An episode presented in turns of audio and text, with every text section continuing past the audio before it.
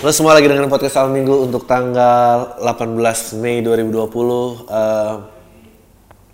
eh, seminggu sebelum Lebaran eh, eh, atau di kalender Corona nih 63 63 bulan 1 tahun 0 eh gua gua gua nggak tahu sih yang lain tuh gimana. Gue sih makin stres ya nggak tahu makin stres dan eh, yang bikin tambah stres adalah kayak semua orang tuh baik-baik aja gitu. Semua orang baik-baik aja semua orang I don't know.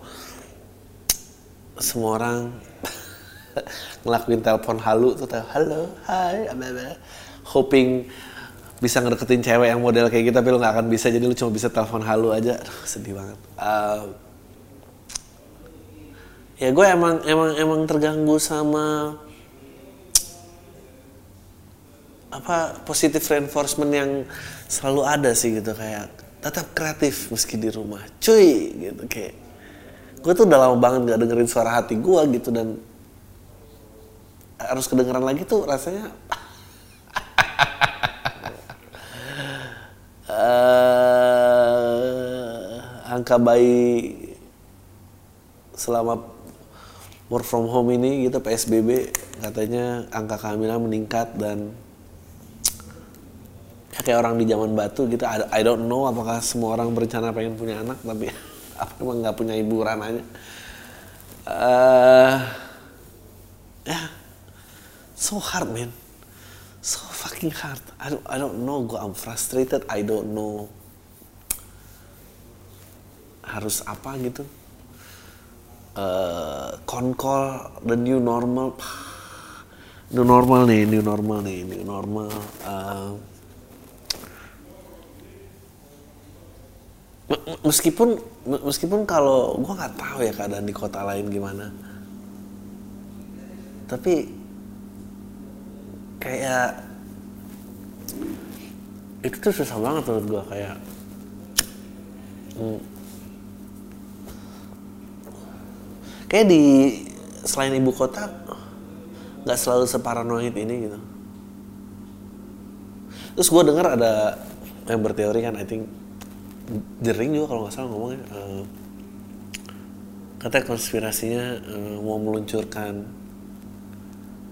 satelit 5G gitu in order kita consume more and more data mobilisasi manusia harus dihentikan. Dan nggak ada lagi karangan yang lebih hebat daripada eh, COVID-19 menurut gue, gue tuh nggak masalah dengan teori konspirasi tapi gue bermasalah sama teori konspirasi itu kayak terlalu mudah menyimpulkan gitu bahwa oh inilah gitu penyebabnya. Eh, padahal nggak nggak nggak selalu kayak gitu gitu. Padahal nggak bisa jadi kayak tapi kalau emang iya ya you can have a grand design di mana di mana orang tuh jadi kan marketing itu kan selalu mengikuti permintaan. Jadi jika dibutuhkan orang pasti menghasilkan sesuatu untuk memenuhi kebutuhan tersebut. Dilihat orang ada kegemaran makan ayam mulailah ada peternakan ayam. Tapi the great marketer selalu bilang eh, permintaan itu nggak cuma bisa dipenuhi tapi juga bisa diciptakan. Dan dengan basis-basis marketing seperti ini gitu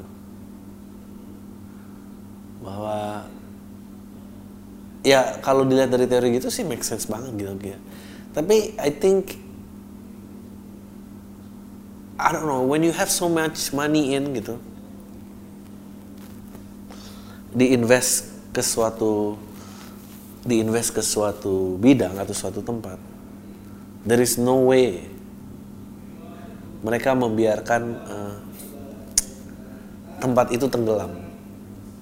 Mau nggak mau harus diselamatin jadi gue nggak pernah percaya tuh tolak reklamasi whatever apa pun itulah Meikarta akan melarang nggak bisa men berapa miliarder yang akan ngamuk dan minta duitnya kembali dan developer pasti nggak bakal bisa kembaliin gitu.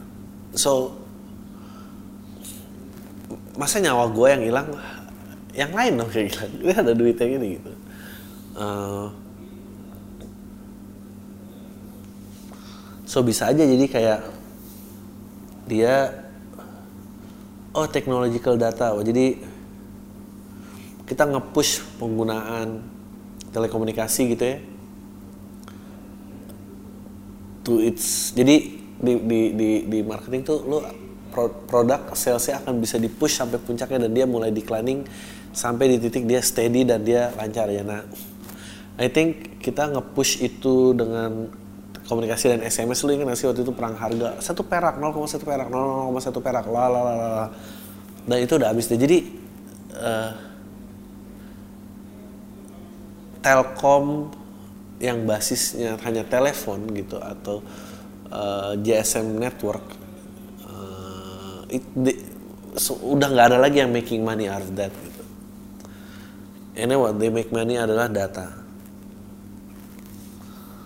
Tapi so when it become a hot product dan wanted, semua orang naik dan semua orang pengen invest situ kan. Nggak buat buat koneksi.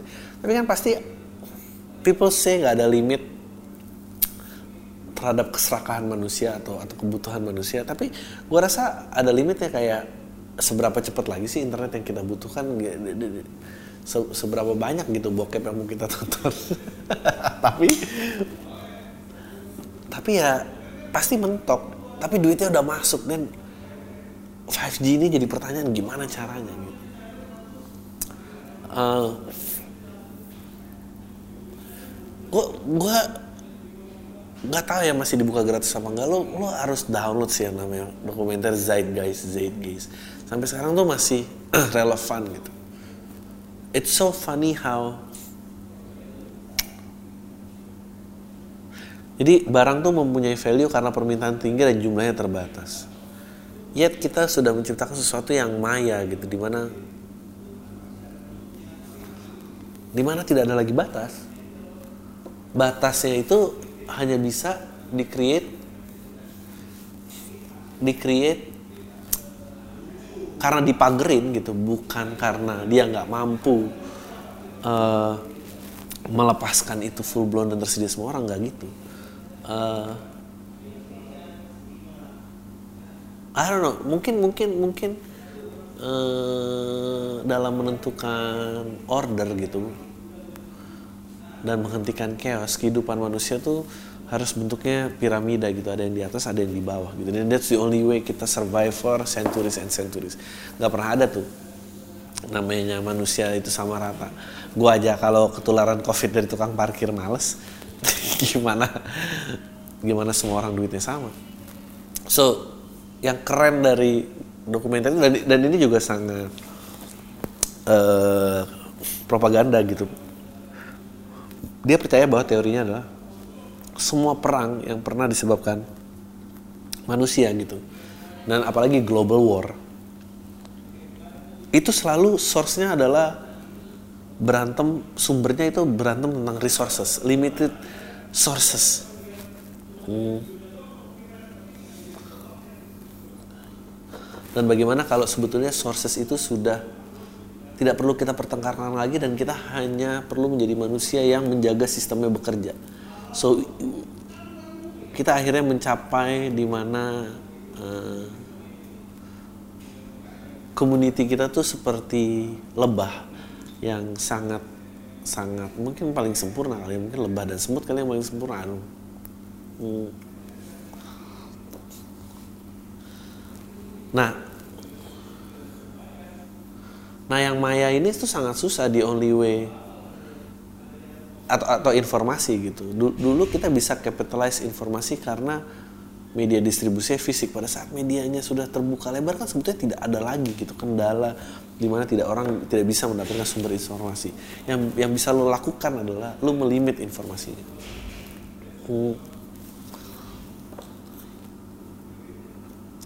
Apakah utopia itu akan suatu saat tercipta gitu bagi peradaban manusia di mana kita tidak lagi mempertengkarkan sebuah uh, resource gitu ya karena semua resource itu unlimited gitu.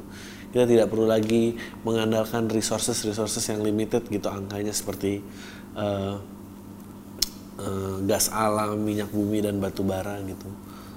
What if what if kita actually udah mau achieve itu but then again kita we're addicted for so long gitu. Hidup dalam keadaan piramida itu and we cannot afford to let it go gitu. dan itu yang membuat COVID-19 itu datang gue nggak bilang COVID-19 itu nggak tahu ya gue gue hanya frustasi kayak lo COVID tuh kayak lo tau gak sih gue baru tersadar yang lucunya adalah uh, kenapa konten tobat tuh hanya beredar pada saat dunia tuh baik-baik aja ya? Gitu. pada saat ada pandemik seperti nggak ada yang viral tuh nggak ada yang tentang kayak Tuhan maafkanlah dosa hamba Tuhan maafkan. Kamu telah berdosa terhadap bapak ibu. Gitu nggak ada ya. I've never seen. Siapa tahu ternyata yang menghilangkan pandemik ini adalah doa lo nggak pernah tahu gitu. Ah, nggak uh, pernah ada tuh uh, zoom meeting mohon ampun nggak ada.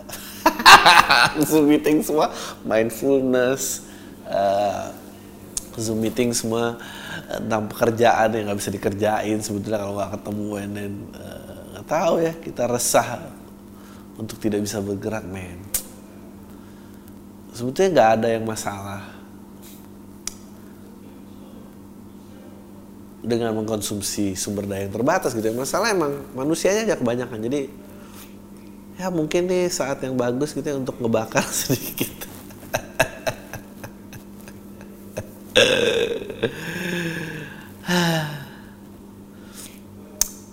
Butuh skill khusus emang untuk berbicara sendiri di ruang gelap dan uh, ya udah dan lo asik aja gitu. I don't know ya ternyata tiba-tiba orang-orang banyak yang lebih mengemari konten bang monolog lagi dong jangan cuma tamu tamu basi ya lah ya ya gue setuju. Tapi di sisi lain juga gue takut kayak uh, membuka pintu kegilaan gue yang nggak bisa gue tutup lagi gitu kalau emang kayak gitu. Terus mau jadi apa nih semua? Gimana dong? Uh, I don't just gue frustasi luar biasa sih. Uh, belum pernah gue hidup seterperangkap ini. Maybe oh gue lo tau nggak jadi bangun bunker itu adalah ide yang bagus. Sehabis itu uh, bunker jadi fasilitas infrastruktur jadi adalah yang perlu lakukan adalah membangun sekte gitu. Di mana? gue tuh fascinated ya sama serial killer terutama yang serial killer itu atau mass suicide itu pemerkasanya gitu. Gue lupa lagi uh, judulnya apa ya dia waktu itu? Oh Jonestown lo harus cari John I think Jonestown aja sih. Oh, let me let me see let me see ya. Jamestown? Jonestown Jonestown coba ya. Oh come on lah. Wait wait wait wait. I think Jonestown lo harus lo harus oh benar Jonestown Project. Jadi dia tuh akhirnya bunuh diri massal terbesar uh, yang pernah dilakukan umat manusia gitu. Uh, di mana seorang mesayah uh, mengajak umatnya untuk menyerahkan semua kebendaan-kebendaan duniawi untuk mencapai enlightenment. Uh, dia percaya prinsip di mana uh, I think it takes a village to raise a child gitu di mana dia menciptakan society itu di mana anak itu bisa dibesarkan oleh sebuah desa gitu. Nggak dia nggak cuma tergantung dengan uh, orang tuanya gitu. Karena kalau rely sama satu orang tua aja kan orang tua mungkin capek mungkin abusive mungkin apa bla bla bla. And then semua living in healthy environment dan sharing and hippie lifestyle lalala sampai akhirnya uh, ya dia semua yang ikut menyerahkan kepemilikan pribadiannya. Jadi penjara itu ada dua bentuknya. Uh, either lu trap orang trap orang secara fisik atau lu ambil semua kemungkinan dia untuk bergerak dan itu akan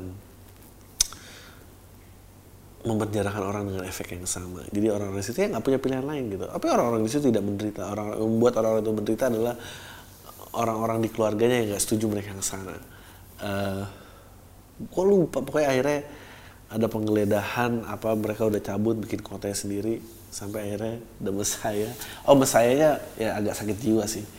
Akhirnya mulai nggak stabil dan bunuh diri dengan meminum racun dan semuanya mati. Uh, I don't know why I'm laughing. Tapi tapi ya ya gitu. Di situ caranya Bang Carlo survive.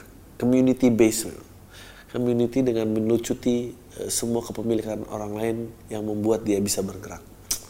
Itu yang hebat.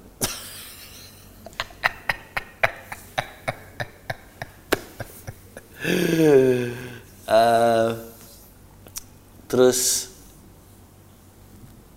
nggak tahu ya.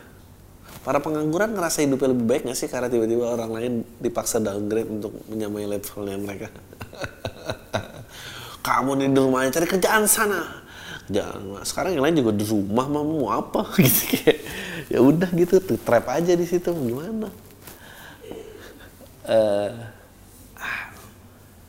semua terlalu positif gitu. Orang orang orang nggak mau membicarakan di outcome gitu. Oh ya semua orang menanti kayak oh kayak awal Juni PSBB berakhir. Dadidu dadidu what if?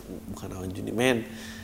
Ini 63 hari loh sejak hari pertama. What if kita menggunakan kalender ini selama lamanya lu lihat sekarang mobil-mobil udah mulai nggak bergerak. Uh, lu lihat saham minyak bumi untuk pertama kalinya setelah berapa ratus tahun? Nggak ratus tahun sih gue lebay. Mungkin sejak 20th century.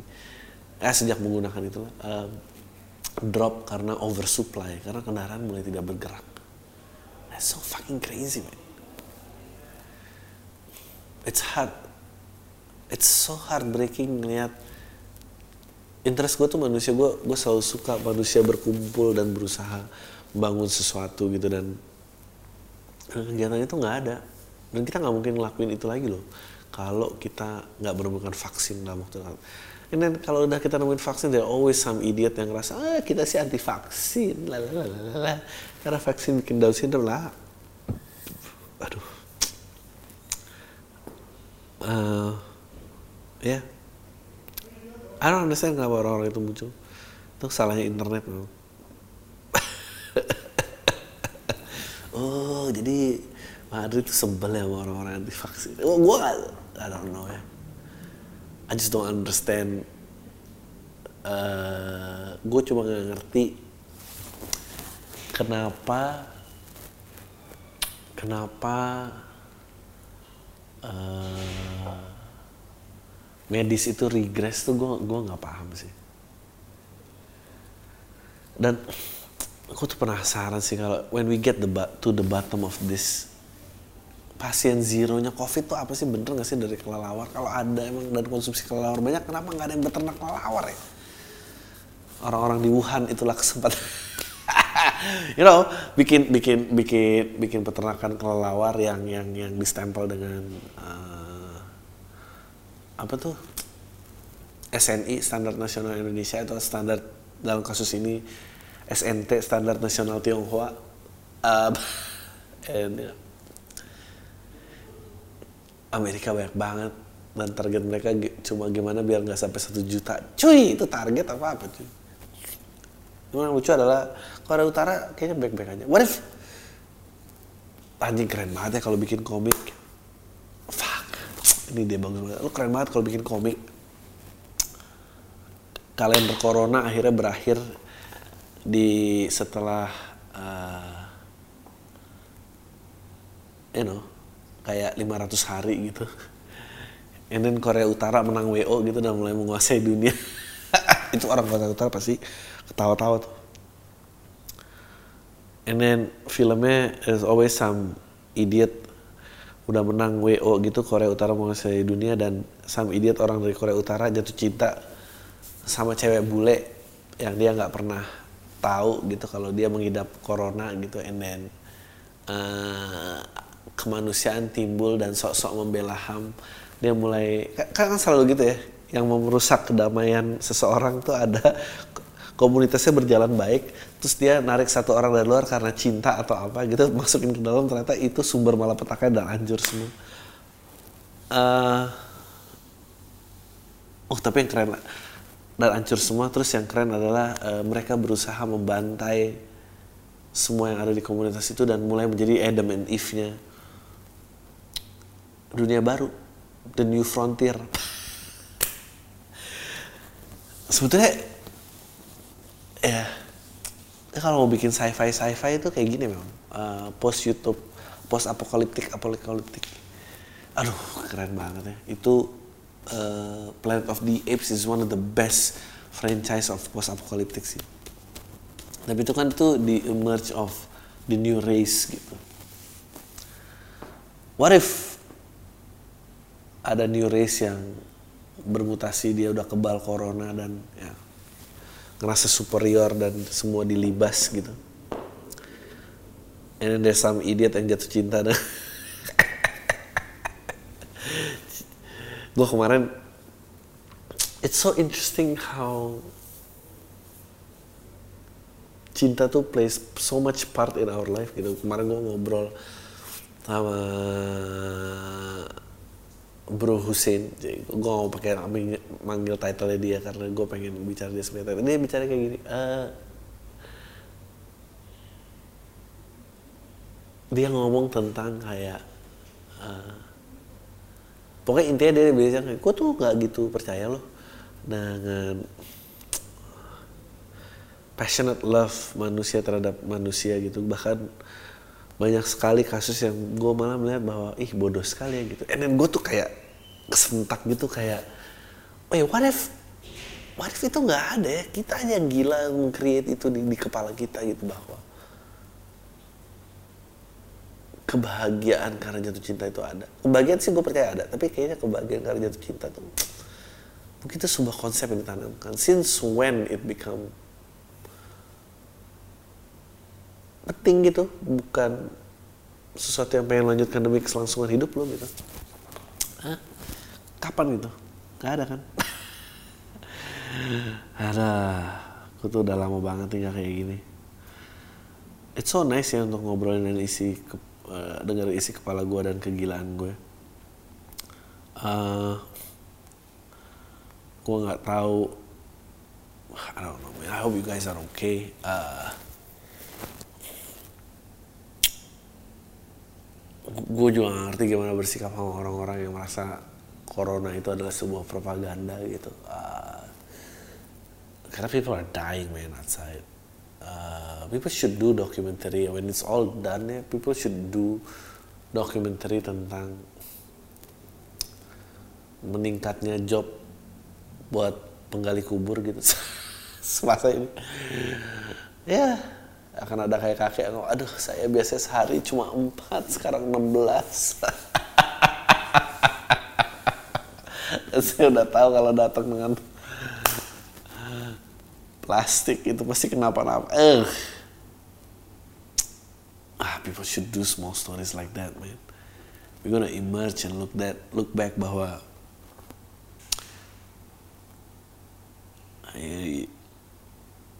makanya gue gak ngerti kenapa konten tobat itu gak ada. Padahal padahal banyak banget kenikmatan yang hilang gitu. Everything that you used to do itu ternyata lo nggak pernah syukur gitu. And you take that for granted now it's gone gitu. Gue juga baru sadar kayak wah gue bersyukur banget ya jadi manusia. Gue gue per gue waktu itu pengen stand up dan gue ikutin gitu. Gue I didn't realize bahwa gue di satu dekade terakhir di mana gue bisa stand up off air gitu. Satu dekade satu dekade terakhir di mana manusia masih bisa melakukan konser itu I didn't know that. Thank God I followed it gitu. so much banyak banget sih hal yang merubah di kepala gue gue nggak pernah mengekspresikan uh, personal thoughts gue gitu uh, tentang siapa pun public figure yang meninggal tapi gue mungkin mau share sedikit gue gue gue sangat terpukul loh kayak Glenn tuh meninggal ya, beliau juga kebetulan rekan kerja gitu ya dan ya mungkin kalau nggak bisa konser dalam know, menyuarakan lagunya ini bukan dunia lagi yang ideal buat dia ya. dan aji dia gue malah mulai ngerasa iri so weird gue mulai ngerasa iri kayak wow dia dia beruntung banget gitu. Sedangkan gue harus hidup di dalam transisinya gitu dan gue kayak gue nggak mau lagi sih nunggu apa pun. Nunggu apa pun untuk bener- untuk semua hal yang benar-benar pengen gue lakuin. Things will be okay. Yang lu pikir dulu itu bukan kesempatan ternyata itu kesempatan. Karena situasi bisa jadi lebih parah. Orang selalu ngeliat ke atas gitu. Orang nggak pernah ngeliat lo dan lu begitu dibekuin semua ruang geraknya makan tuh onde. Hah? I, I guess I think you should think about it man. Dan bertobat terhadap dosa-dosa.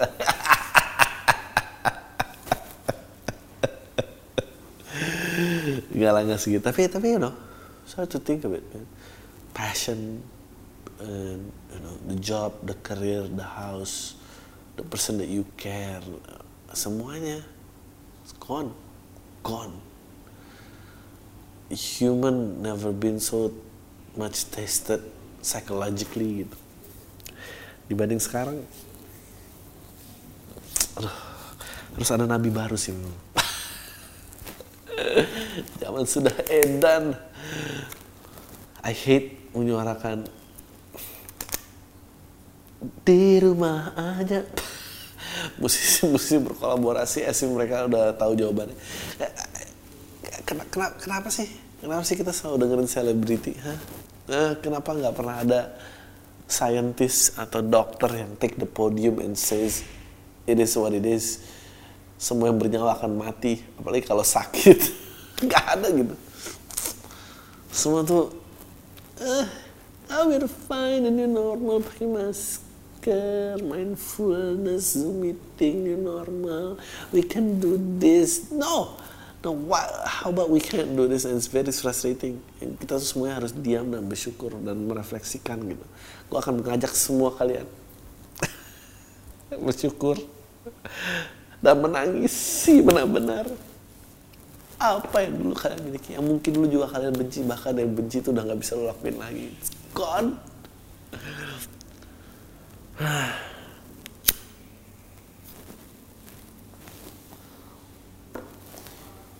kita lihat gimana perbedaan seperti ini.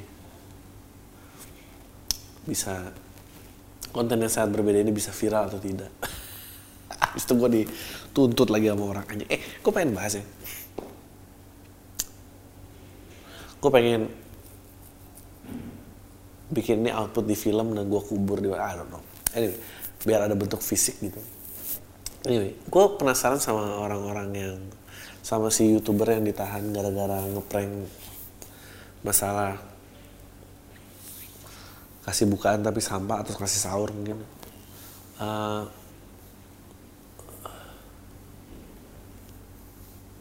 gue gue gue bingung dia ada yang bisa kasih kronologisnya nggak sih dia dituntut dengan pasal apa? Karena menurut gue gue tidak setuju dengan perbuatan gue harus bilangin dari gue tidak setuju dan menurut gue ya Nora aneh cari sensasi lalala tapi menurut tapi kalau ranahnya freedom of expression nggak gue nggak gitu.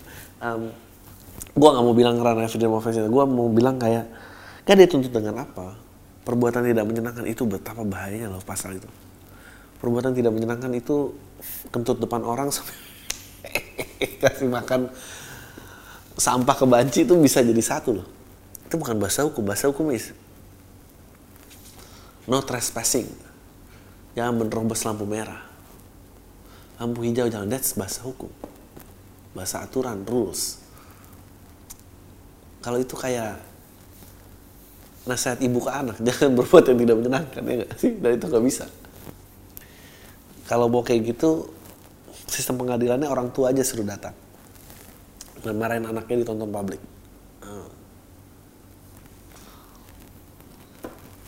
dan penjara bentuknya kamar mandi yang dikunci dari luar. Ada juga anak lawan yang dikunci kamar mandi. Gimana? Gila ini kita harus apa nih? Semua yang minta monolog udah nyesel belum? Kok kayak gini?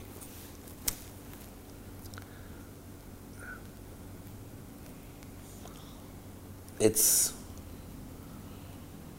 ah 97 outlet KFC hilang. Eh, how many people?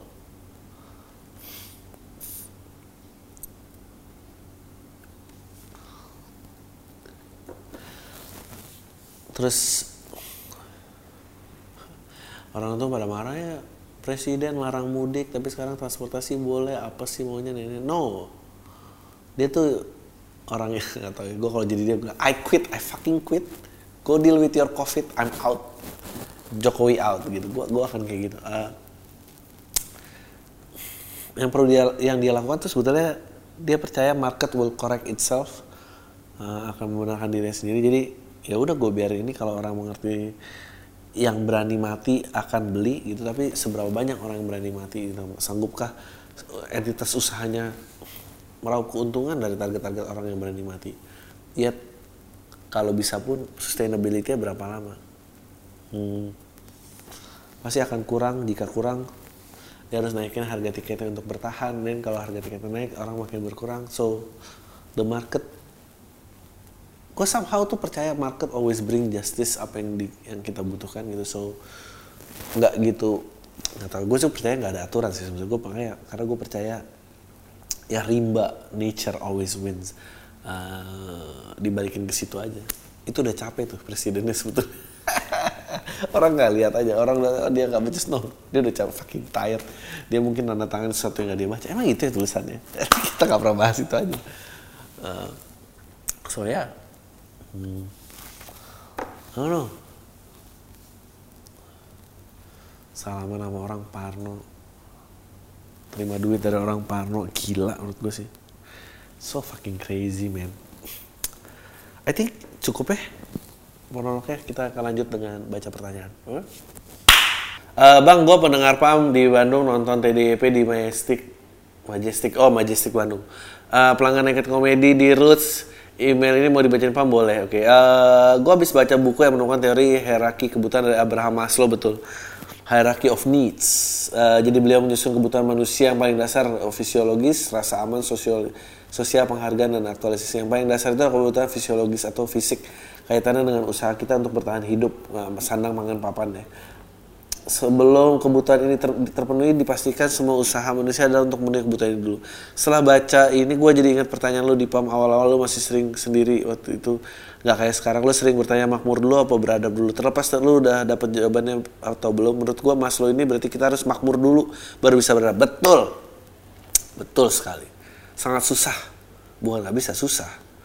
Mau sharing itu doang sih bang anjing lah udah. Itu doang nggak penting. Uh, Oke. Okay.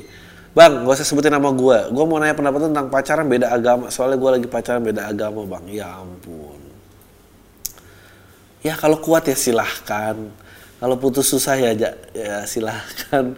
Kalau kadang yang ngumpet-ngumpet juga jauh lebih seru ya daripada yang direstuin gitu. Dan kalau bosan lu selalu bisa pakai kartu. Putus kenapa? Ya kan kita beda agama aja. Dari pertama juga beda agama kali. Uh, Gimana caranya mutusin pacar yang terlalu baik dan gak ada celah untuk diputusin? Itu waktu menunggu paling basi ya, kayak lu udah basi, terus kayak, oh dia nggak salah-salah ya gitu, kapan gue bisa exitnya? Uh, terus mulai cari kesalahan-kesalahan sepele dibikin besar gitu. Kamu telat 10 menit nih, aku tuh mah nggak bisa sama orang yang telat-telat. Padahal lu juga biasa gitu telat. Uh, cium udah mulai nggak merem ya gitu. Kayak ya udah melek aja gitu. Kapan kelarnya. Uh, nggak tahu gua kalau putusinnya gimana. Yang jelas uh, aduh nggak tahu ya. Kamu terlalu baik buat aku. Udah pakai kartu itu aja lah kamu terlalu baik buat aku atau ini ng ngarang lu selingkuh aja ya udahlah ketahuan nggak apa-apa dibicap jelek mau gimana cuman udah melek bro lama bro itu rasanya uh, Assalamualaikum Waalaikumsalam. Uh, wah, gue mau tanya pendapat lu kenapa pas ada yang bilang corona tentara Tuhan atau tentara azab. Waduh, orang-orang tuh pada skeptis. Tapi kalau orang merupakan usaha alam buat memperbaiki diri dan manusia adalah virusnya, orang-orang pada amazed. Bukankah mau fair dua-duanya sama-sama ambigu ya? Benar, dua-duanya sama ambigu ya. Yang satu so intelek, yang satu uh, konservatif aja gitu. Uh, orang pintar apa emang fobia agama ya kebanyakan dengerin band indie dengan opini-opini seram SJW anjing lucu banget. That's so funny. Uh, cerita corona. Jadi gini Bang Adri, cerita tentang pandemi corona ini gue simpel banget Bang. Jadi saat gue tanggal 24 Maret, ada pengumuman keliling dari badan yang bertanggung jawab tentang pasal corona ini di daerah gue. Jadi pas ada pengumuman gitu, pas mobil pengumuman itu lewat tetangga, tetangga gue tuh keluar dari rumah, dan terus kayak kaget bilang, ah kok bisa? Hah? Terus karena kejadian itu gue keluar dan lucu lagi nada mereka tuh lebih mirip dengan nada-nada coki. Ah, aneh banget loh. Lo kerja di mana sih? Uh, halo bang, uh, mungkin gue adalah orang yang paling cocok buat lu menghargai pendengar paling muda. Gue udah denger lu dari kelas 3 SMP. Ih, gak ada temennya pasti. Gue yakin banget. Sok keren sendiri. Uh, eh, gue ngerasa gue terlalu cepet tua dengan podcast lu dan lu udah ngomong lu kisaran 20 tahun ke atas dan udah pada tamat SMA sekarang gue duduk di bangku 11 SMK ngerasa kayak diajarin di sekolah cuma dasar banget dan kayak ada yang bilang kalau lulus SMK bisa langsung kerja udah kayak bullshit banget tapi bukan itu yang permasalahannya bang gue tuh sekarang mulai mikir apakah gue bisa menjadi seorang gay oh kalau kalau sekarang aman-aman aja sih. Bahkan gue nggak pernah nonton video genre gay. Tapi gue takut banget kalau nanti gue gay. Menurut lo orang orientasi seks itu bisa berubah nggak pak? Dan gimana cara ini kalau gue begitu? Makasih pak. Ya lo berarti harus bersyukur sama pandemi corona karena kemungkinan lo ketemu orang dan explore itu kecil sekali ya. Eh, nggak lucu kalau berusaha mengeksplor seksualitas pada saat keluar pada kebia dari kebiasaannya terus kena corona gitu pasti nyesel kan? Uh, mungkin hal-hal trauma sih yang bisa meluruskan lagi lo kembali ke jalur pada jalur pada umumnya. Kesannya gue mengira tapi nggak tahu ya gue sih nggak pernah yang terbesit kayak ih gue gay nggak ya? gitu. Apalagi di saat pandemi ini gitu. Wah pikiran gue tuh udah ngisi sama yang lain gitu. Kok lu malah mikirin gue tuh gay apa enggak gitu uh, kalau udah mulai kepikiran dan terus menggedor hati nurani ya mau gimana ya? Uh, coba aja gitu. Coba coba. Cium temennya berasa temen apa yang lain? Cuma itu cara ngebuktiinnya men. Dan menurut gua itu penting karena karena ada ada komedian bagus banget dia cerita gini. Gua pernah lagi ngekokain terus gua nyium cowok. Terus temen-temen gue soalnya ih ngapain lu kok nyium cowok gini gini gini gini, terus dia bilang ya nggak apa-apa gue lagi giting gue lagi ngekok men gitu. Dia bilang kokain itu adalah obat yang bakal menemukan jati diri lu siapa sebenarnya gitu. Oke okay lah lu bilang gue jijik. Oke okay, sebagian dari lu bener tapi sebagian dari lu tuh salah kata dia gitu. Lu salah dan lu tahu apa yang orang-orang salah ini akan lakukan. Dia akan terus dengan hidupnya merasa jatuh cinta sama perempuan beli rumah punya anak dan dulu terus meng menghadap langit-langit kamar lo dan berpikir kayak kenapa ya hidup gua kayak gini? Dan lu berpikir lu terus stres lu tuh nggak stres lu tuh gay tapi lu nggak berani explore. Yang ada akhirnya adalah lu mulai ngarang-ngarang lu punya meeting di luar negeri lu pergi ke Bali padahal lu ketemu orang lain gitu. Dan pertama kali lu ketemu lelaki ini dia akan membuat lu manusia seutuhnya dan dia bilang dan pada saat itu terjadi lu akan ciuman dan ciuman lu nggak enak. Ih 40 tahun nggak bisa ciuman malu-maluin. Menurut gue itu the best. Itu joke the best banget. Versi dia lebih kasar daripada itu gue bikin versi buat Indonesia. Versi dia jauh lebih kasar.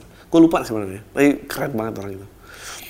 Uh, saya tinggal di Blitar, Jawa Timur, kota pinggiran yang gak ramai-ramai, bisa dibilang sepi. Uh, banyak tetangga-tetangga saya yang kalau diingetin masalah corona ketawa. Pemerintah juga kayaknya belum ambil langkah yang signifikan. Semalam baru semalam di sekitar jam 10-an saya dengar himbauan tentang corona disiarin pakai mobil plus pengaruh suara muter-muter. Oh, macam ini ya uh, apa? tempe apa tahu bulat goreng digoreng dadakan ya. Uh, waspada corona jangan panik kami menghimbau untuk mau keluar kota ditunda dulu udah malah cuma sekali kayak pedagang perabot keliling. Ya, tapi mungkin di Blitar efektif ya lo mendingan pakai mobil keliling apa pakai selebgram Blitar? Lebih efektif mobil keliling daripada selebgram Blitar. uh, Bang cerita work from home. Udah suntuk gue sebenarnya suka banget work from home dari beberapa tahun lalu. Pengen banget nyobain work from home kayak freelance gitu. Bebas milih waktu kerja dan nggak mungkin. Tapi kan nggak mungkin sama kantor. At least nggak boleh sering-sering. Nah, waktu kantor gue ngabarin kalau semua disuruh work from home, gue senang akhirnya bisa nyobain apa rasanya work from home yang waktu cukup lama ternyata nggak sebebas yang gue kira bahkan bos gue yang bebas menghubungi gue kapan aja gue jadi nggak bisa berhenti kerja karena sampai jam 10 malam pun masih dikontak iya memang jadi orang-orang nggak tahu waktu Bahkan jam 5 pagi mulai kerja, jadi sulit untuk mensinkronis suatu kerja tim. Kalau kita nanya teman kerja lain, gimana kerjaan lo dibalasnya bisa sejam kemudian beda jauh sama kita di kantor yang pasti langsung dibalas. Produktivitas pasti turun. Uh, di hari ketiga gue mulai bosen di rumah gue mulai pindah tempat kerja dari tempat tidur ke living room tempat tidur lagi sambil dengerin podcast dan dengerin lagu. Uh, sambil sampai sambil nonton film yang ternyata bikin gak fokus. Di kantor gue cukup strict sampai diinfokan kalau kita tidak kerja di rumah bisa kena sanksi administratif. Jadi gue nggak berani pindah ke kafe. Hari keempat gue mulai jalan-jalan sekitar kompleks sekitar rumah ke klaster-klaster lain ternyata lumayan seru. Sekarang olahraga juga gue nyari film-film tentang outbreak contohnya outbreak ya bagus banget tentang uh, Ebola ya tentang monyet. Contagion film ini makin seru karena bisa relate dengan kenyataan. Belakangan grup bapak-bapak komplek lagi ribut katanya mau beli alat ukur suhu badan yang belakangan sering dipakai di gedung-gedung itu untuk ngecek suhu badan semua orang yang masuk komplek. Bahkan mau sampai beli alat semprot disinfektan kayaknya semua orang yang mau masuk komplek bakal disemprot dulu. Gue bingung apa iya harus sampai begitu? Gue nggak berani ngebales karena nggak ngerti jadi gue diem aja. Jadi kalau disuruh balik dan pasrah kalau disuruh bayar beli alat-alat itu anjing. Tapi ada serunya karena meetingnya kan voice call jadi sebenarnya video call tapi nggak ada yang nyalain kamera. Nah karena itu gue bisa nge-mute mic. Kalau gue lagi kesel apa yang bos gue ngomong gue bilang anjing lo baru gue unmute lagi. Jadi anak baik lega sih. Ya emang kayak gitu. Semua orang jadi palsu uh, Know. Gue biasanya gue speaker telepon gue gue lempar ke ujung ruangan terus gue kayak uh, manggut-manggut doang dari ujung terus terus ada yang kedengeran gimana Dri? Terus gue baru lari. Ya oke okay, oke okay, oke okay, bagus bagus bagus. Terus gue mute lagi. Terus ya udah biar aja jalan. Gue gue juga nggak tahan sih. Uh, eh, gue ngobrol banyak sama bos gue tentang dampak virus ini. Sebenarnya kayak menderita efek ekonomi dan lebih banyak mungkin tidak terdeteksi dibanding menderita karena virusnya sendiri. Sama aja udah gila-gila jatuhnya. Ya benar, rupiah mulai gitu. Gue semakin ngeri. Kantor gue termasuk berdampak besar karena di pas PHK, pas work from home. Menurut lu bakal, bakal apa nggak kayak gini? Nggak tahu sampai kapan kayak gini? Gue nggak tahu uh, stay healthy. Gue juga nggak tahu mau bilang stay safe stay healthy. Uh, yang jelas gue makin sering cuci tangan. Uh, tangan halus banget selama corona uh, ketemu orang sih. Gue ketemu orang tuh kayak ini gue mau dimaling apa mau gimana ya? Gue nggak tahu. Ya nggak tahu lah gue juga udah uh, mulai frustasi. Uh, ya segitu dulu lah pertanyaan hari ini. Uh, gue kayak akan mau memperbanyak monolog lagi deh. Kayak apalagi kalau settingnya kayak orang gila gitu tuh gue lebih bebas mengekspresikan isi kepala gue udah itu aja. Tahu lu semua. Deh